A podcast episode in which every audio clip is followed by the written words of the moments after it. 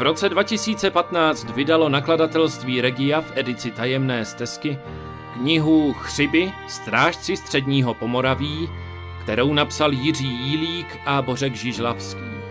Web magazín Přes Humna ve spolupráci s nakladatelstvím Regia vám přináší malou knižní audio ochutnávku. Knihu lze objednat u nakladatelství Regia. Odkaz v popisu videa.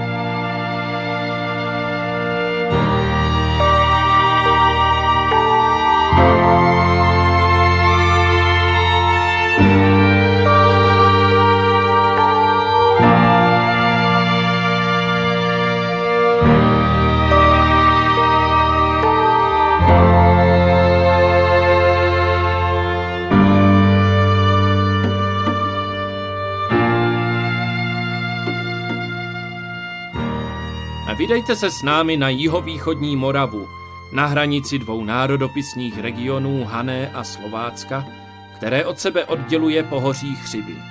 Není sice rozsáhlé a navenek vypadá poklidně a smírně, neboť četné dramatické příběhy vepsané historií do jeho tváře dávno zastiňují stoleté bučiny.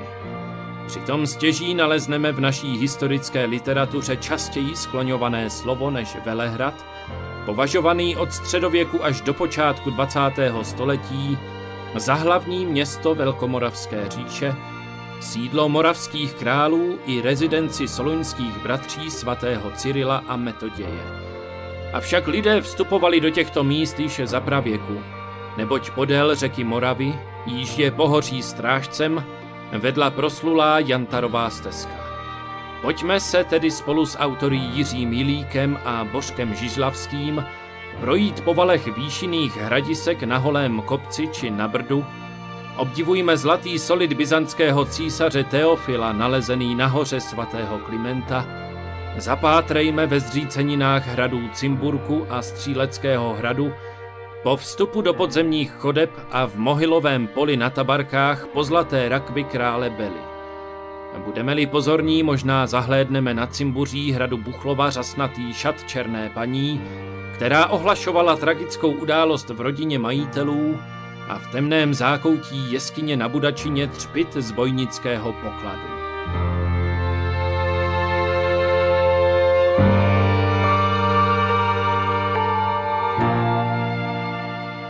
Tři vrchy ve znaku. Každý, kdo se ocitne ve středním Pomoraví, ať již sem zavítá z jihu od Hodonína, ze severního směru od Zlína anebo z východu od slovenského Trenčína, dříve nebo později zahlédne v pásmu chřibů výrazné trojvrší. Holý kopec, 548 metrů nad mořem, již dávno není holý a stejně jako zbytek pohoří je pokryt lesem, v těchto partiích vlastně pralesem. Obtížně přístupná lokalita, navíc v Jelenářské oblasti, byla roku 1975 vyhlášena přírodní rezervací a tak zásahy lidské činnosti jsou zde omezené. Na rozdíl od prostředního vrchu Buchlova a k severovýchodu položené modly není na holém kopci patrná žádná stavba. To však zdaleka neznamená, že tam stopy lidské činnosti nenalezneme. Naopak ve stínu stoletých bučin se přímo na vrcholu nalézá mohutné pravěké hradisko. Dodaleka naopak září šedé z divogotického hradu Buchlova, který od 13. století zhlíží do Pomoraví jako skutečný lesů pán a mocný vládce okolní krajiny. Ženskou protiváhou hradu je barokní kaple svaté Barbory na vrchu Modla, v jejímž podzemí odpočívá řada majitelů zdejšího panství. Vzhledem k tomu, co již víme o silné cyrilometodějské tradici, Nepřekvapí nás již po několik generací tradovaný výklad trojvrší v souvislosti se státním znakem Slovenské republiky. Podle pověsti ony tři vrchy ve slovenském znaku prý nejsou Tatrou, Matrou a Fatrou, jak zní oficiální výklad, ale jde právě o Holý kopec, Buchlov a Barborku, přičemž východní dvojramenný kříž připomíná soluňské bratry, kteří právě v tomto kraji působili. Pověst se opírá o skutečnost, že Velkomoravská říše vznikla spojením Mojmírova knížectví na Moravě s knížectvím nitranským na Slovensku. a tak k velkomoravskému Veligradu v 9. století vzhlíželi jako k panovnickému sídlu a hlavnímu městu říše jak Moravané, tak Slováci. Každý, kdo přicházel do těchto míst, aby se nechal pokřtít metodějem, či vstoupil do služeb velkomoravských knížat, měl dominantní trojvrší stále na očích.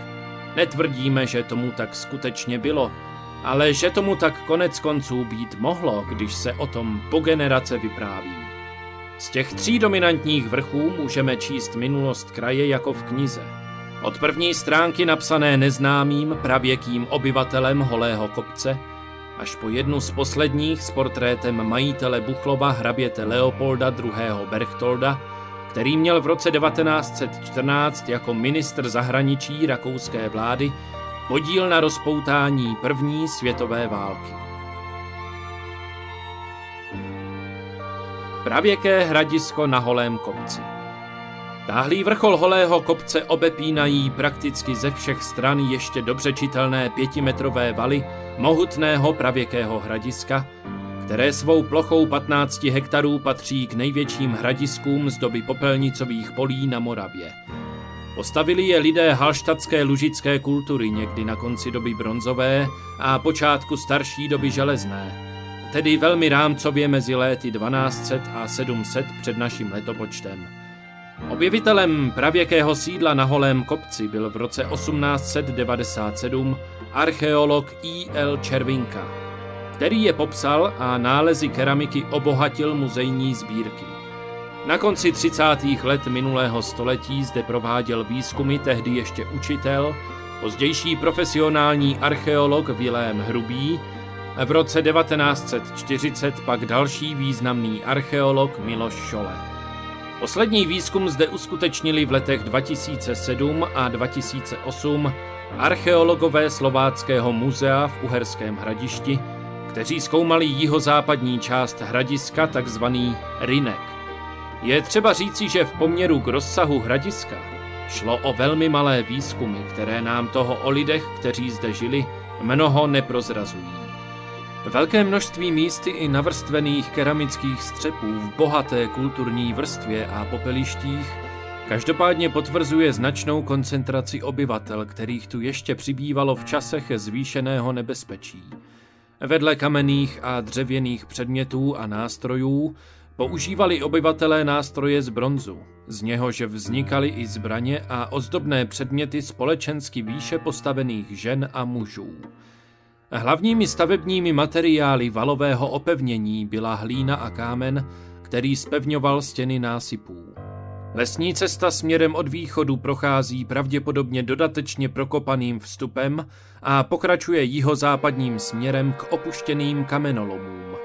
Spodní linie valu jde stejným směrem a po několika desítkách metrů ji přerušuje jedna z původních bran, od níž vede dolů po svahu zřetelně zapuštěná komunikace. Téměř po celé délce valu doprovází jeho vnitřní stranu příkop, vzniklý odebíráním materiálu na stavbu opevnění. Na navršeném prostranství na úpatí upravené roviny stávala obydlí. Nad nimi se po celé délce táhne původní skalnatý vrchol kopce a mezi ním a protilehlým valem se v nadmořské výšce 500 až 544 metrů opět nachází táhlá vrcholová rovina. I zde jsou dobře pozorovatelné uměle upravené terasy, místy dokonce se zbytky kamenných základů dosud neobjasněného stáří a významu. Celková délka hradiska činí asi 850 a šířka 180 metrů. Val místy využívá přirozené skalní útvary, jinde je navršen do výše od 5 do 8 metrů. Holý kopec odedávna přitahoval pozornost i četných amatérských badatelů, kteří v Chřibech a Pomoraví hledali stopy cyrilometodějské misie, tak hojné a živé v místní tradici. Není divu, že valy hradiska, i dnes působící monumentálním dojmem, vyvolávali v mnoha z nich představu nevýslovné pevnosti Rostislavovi. O níž nás spravuje jeden z franských letopisů z 9. století. Vyzbrojen rýčem a lopatou se sem vydával námiž známý stupavský farář Vavřinec Sigmund. Knězův obdivovatel a pomocník Josef Fajt o Akropoli hradiska, takzvaném Rinku, napsal. Zde bývalo tržiště. Sem sjížděli se zdaleka prodavači a kupci. Zde provozoval se rozsáhlý obchod. Stará cesta na hradisku sluje Rinková cesta. Příchod po ní je střežen vybíhající, mohutně opevněnou baštou. Valy opevněné místo na západní straně hradiska lid nazývá v brankách. Na hradisku archeolog nalezne kamenné nástroje a mnoho rozličných střepů robených v ruce i na kruhu. Farář Zikmund nalezl zde opět kámen s vyrytým KV, to je Královský Velehrad. Rozloha 15 hektarů, mimořádná fortifikace hradiska i dosavadní nálezy jsou svědectvím o dlouhodobém osídlení této skutečné pevnosti na hřebenu chřibů. Pohřeb náčelníka Hradisko na holém kopci inspirovalo spisovatele Bedřicha Beneše Buchlovana 1885 až 1953, jehož jméno nese městská knihovna v Uherském hradišti, k napsání povídky nazvané Na holém kopci. V povídce jsme svědky pohřebu náčelníka, který zahynul při lovu na medvěda. Přišel den pohřbu. Muži vynesli nosítka, na nichž mrtvola ležela před chatu.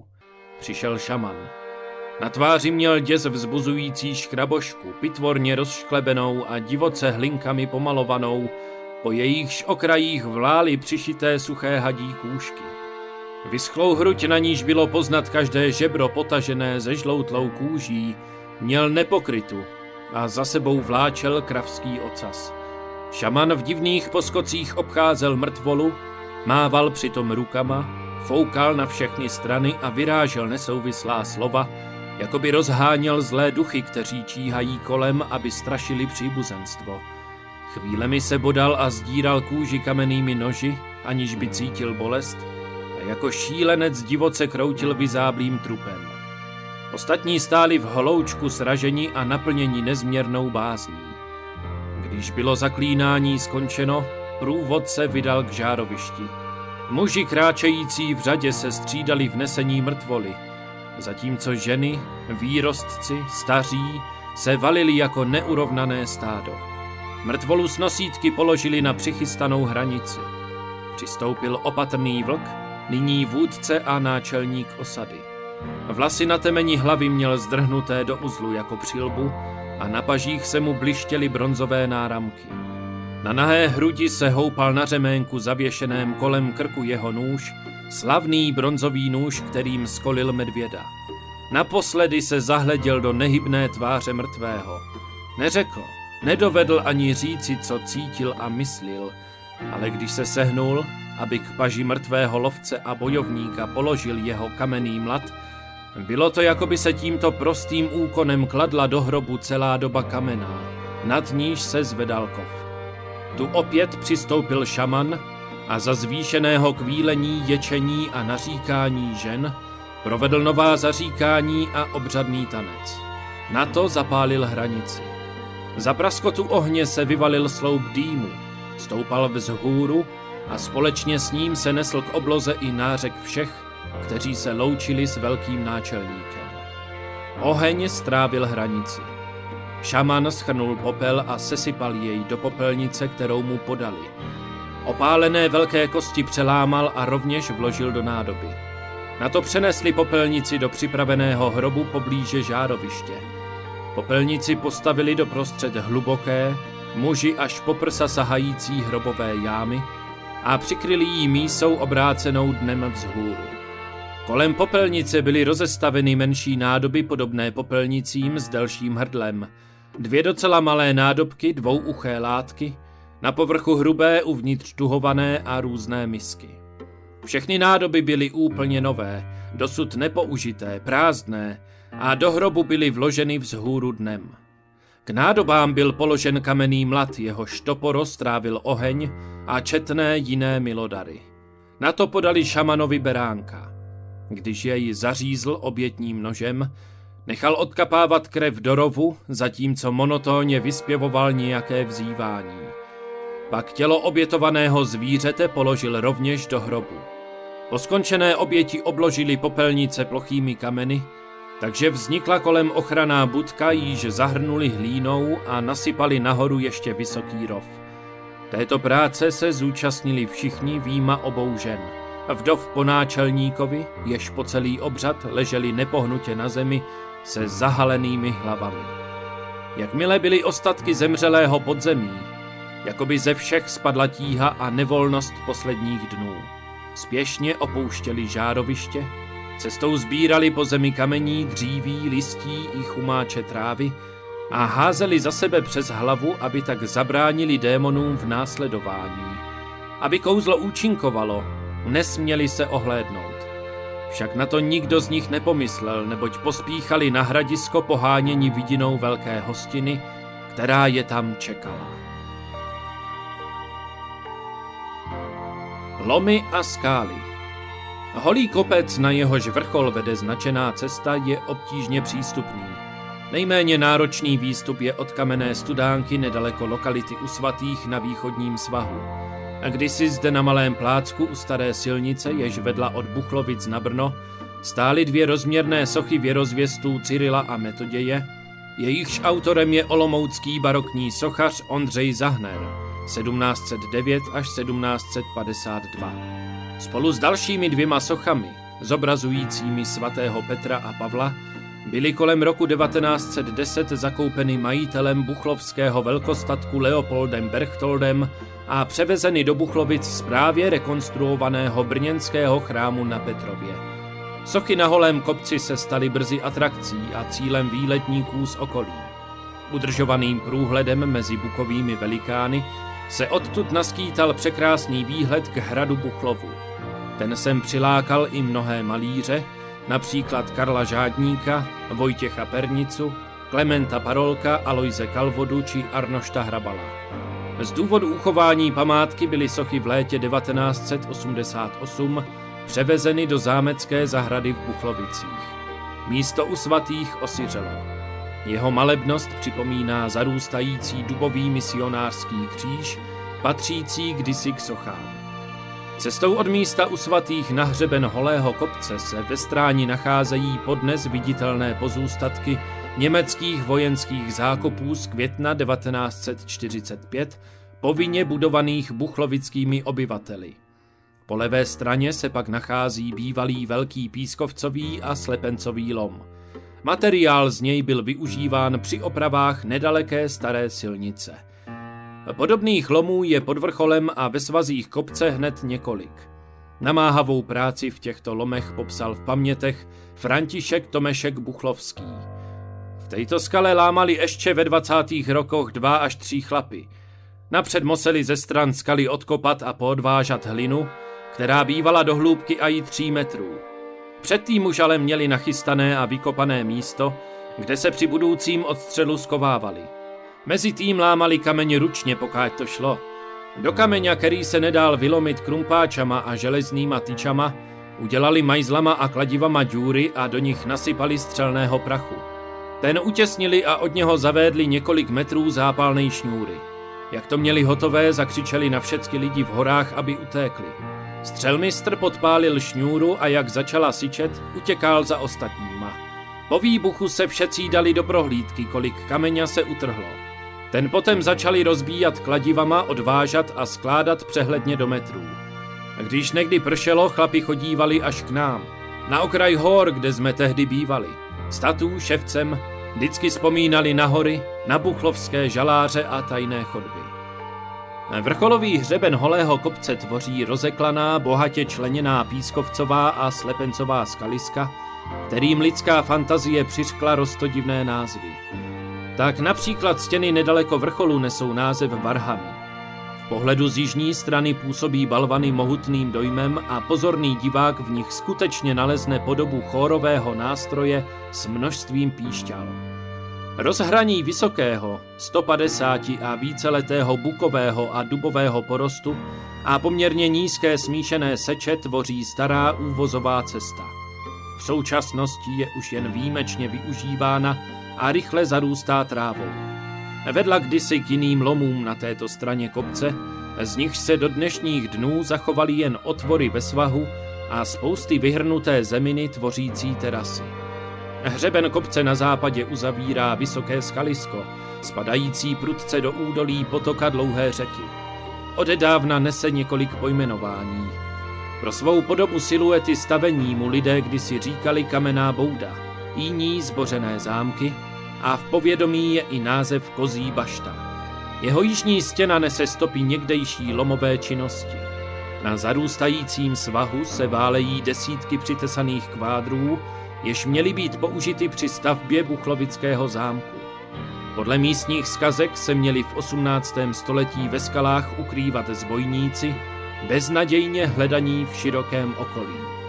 Z kozí bašty se naskýtá působivý pohled do údolí dlouhé řeky, k hájovně na pile a k bohatě zalesněným stráním Lipové, jimiž měla vést podle staré tradice cesta z Velehradu ke svatému Klimentu u Osvětiman. Severozápadní svahy holého kopce jsou ve vyšších partiích rozbrázděny několika opuštěnými lomy.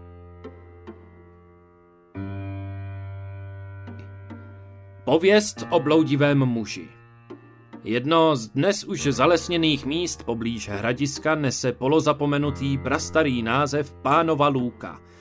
Pravděpodobně ještě v dobách, kdy nebyl kopec trvale zalesněn, bychom zde nalezli louku patřící jako ostatně všechno kolem majiteli buchlovského panství. Tato lokalita podnes působí poněkud tajuplným dojmem. Jejího návštěvníka obklopuje úplné ticho, doprovázené šuměním větví vysokého bukového porostu. Neobyčejně vnímavé a citlivé lidi prý v těchto končinách popadá těžko popsatelný tísnivý pocit a zážitky některých lidí se v kraji vypravují podnes. Jedna buchlovická občanka tudy před deseti lety projížděla na koni, který z ničeho nic odmítal přes pánovu lůku přejít, takže jí nezbylo nic jiného, než pokračovat naspět. Hlubokým zářezem pod pánovou lůkou se kdysi v zimě před více než stoletím vracel hajný na myslivnu na pile. Najednou uslyšel slabé chroptění vycházející ze zasněžené bystřiny. Šel po zvuku a spatřil muže oblečeného do prastaré vojenské uniformy ležícího ve sněhu. Neznámý vypadal, jako by umíral, chroptěl a koulel očima. Hajný se polekal a utíkal až k hájovně. Celou noc potom nespal. Nedalo mu to. Druhý den se tedy vydal na ono místo znovu, ale nenašel tam nic jiného než otisky svých bot ve sněhu. Po čase vyprávěl příhodu v hostinci na starých hutích, a od tamních starousedlíků se dověděl, že se mohlo jednat o pověstného bloudivého muže, prý původně dezertéra švédské armády za třicetileté války, který se ukrýval v horách a jednou umrzl. Ve svazích holého kopce prý od těch dob občas děsí osamělé poutníky. Modla a hora tří men. Pravěká minulost na návštěvníka dýchne nejen na holém kopci, ale i na vrchu nacházejícím se z druhé strany Buchlova. Přestože sluneční paprsky odrážející se od okrové fasády vytvářejí dojem místa vyzařujícího světlo, ve skutečnosti je Barborka místem s pochmurnou pověstí. I přívětivé novodobé pojmenování Barborka podle patronky kaple svaté Barbory je jen líčením, jež má překrýt temné skvrny na tváři nejen vlastní stavby, ale i okolního prostoru. Již v původním pojmenování modla, pod nímž najdeme Barborku na starých mapách, zaznívají temné tóny hlasů a zvuků, při nichž pohanští předkové uctívali krvavými rituály své bohy. Na to, že pojmenování nevzniklo bezdůvodně, upozornili ve svých pracích z 18. a 19. století někdejší moravští topografové Švoj a Volný. Podle jimi zaznamenané místní tradice měla na modle stát pohanská svatyně, v níž se chovaly sochy bůžků. Názvu vrchu si povšiml při návštěvě sousedního hradu ve 30. letech 19. století i zakladatel české archeologie a národní buditel Jan Erazim Vocel, který modlu navštívil a po prohlídce vrcholu i skalnatých svahů usoudil, že se zde nacházelo pohanské obětiště. Nám již známý archeolog a kněz František Přikryl v roce 1907 píše o zdejším pohanském chrámu, který byl Dle jména sídlem modloslužby, kterou svatý Cyril a Metod v tuto dobu kázání odstranili, a tam kostel svaté Barborce posvětili. Baratel a spisovatel Eduard Březík ve 20. letech 20. století umistuje na vrchol kopce signální věž, jež měla náležet k římskému vojenskému systému na území střední Evropy. Zároveň vzpomíná i méně frekventovaný slovanský název hory Baba, uváděný ve starší literatuře. Není tedy divu, že místo s takovou pověstí už před stoletím přilákalo do těchto míst zanícené místní archeology. O pravěkém hradisku na Modle uvažuje jako jeden z prvních páter Jakub Hudeček z Huštěnovic, předseda archeologického spolku Starý Velehrad, který zde společně s dalšími členy provedl průzkum, o němž v roce 1931 informuje ve sborníku Velehradském. Na Modle byly zjištěny pozůstatky valů probíhající od severovýchodu k jihozápadu a mohylové pohřebiště částečně valem chráněné v okruhu 380 metrů. Další průzkumy uskutečněné pod dozorem archeologů Slováckého muzea ve druhé polovině 20. století potvrdili a v mnohem upřesnili prvorepublikové výzkumy. Zlínský archeolog Jiří Kohoutek, stejně jako členové historické společnosti Starý Velehrad, nalezli na temeni a svazích modly několik souborů časově odlišné keramiky. K nejstarším nálezům patří část sekeromlatu a keramické zlomky, prozrazující osídlení místa už v období pozdní doby kamenné, takzvaném eneolitu, Následuje soubor keramiky z období kultury lužických popelnicových polí doby bronzové. Střepy se vyznačují tuhovaným a leštěným povrchem, mnohé jsou zdobeny svislými žlábky, jiné plastickými výčnělky a podobně. Nejpočetnější skupina nálezů náleží keltskému osídlení. Jedná se o zlomky nádob vyrobených na hrnčířském kruhu a zdobených rýhováním, vlnovkami a kroužky. Soubor doplňují přesleny. Již zmíněný archeolog Kohoutek vyslovil názor, že se modla mohla řadit k nejstarším keltským hradiskům na Moravě.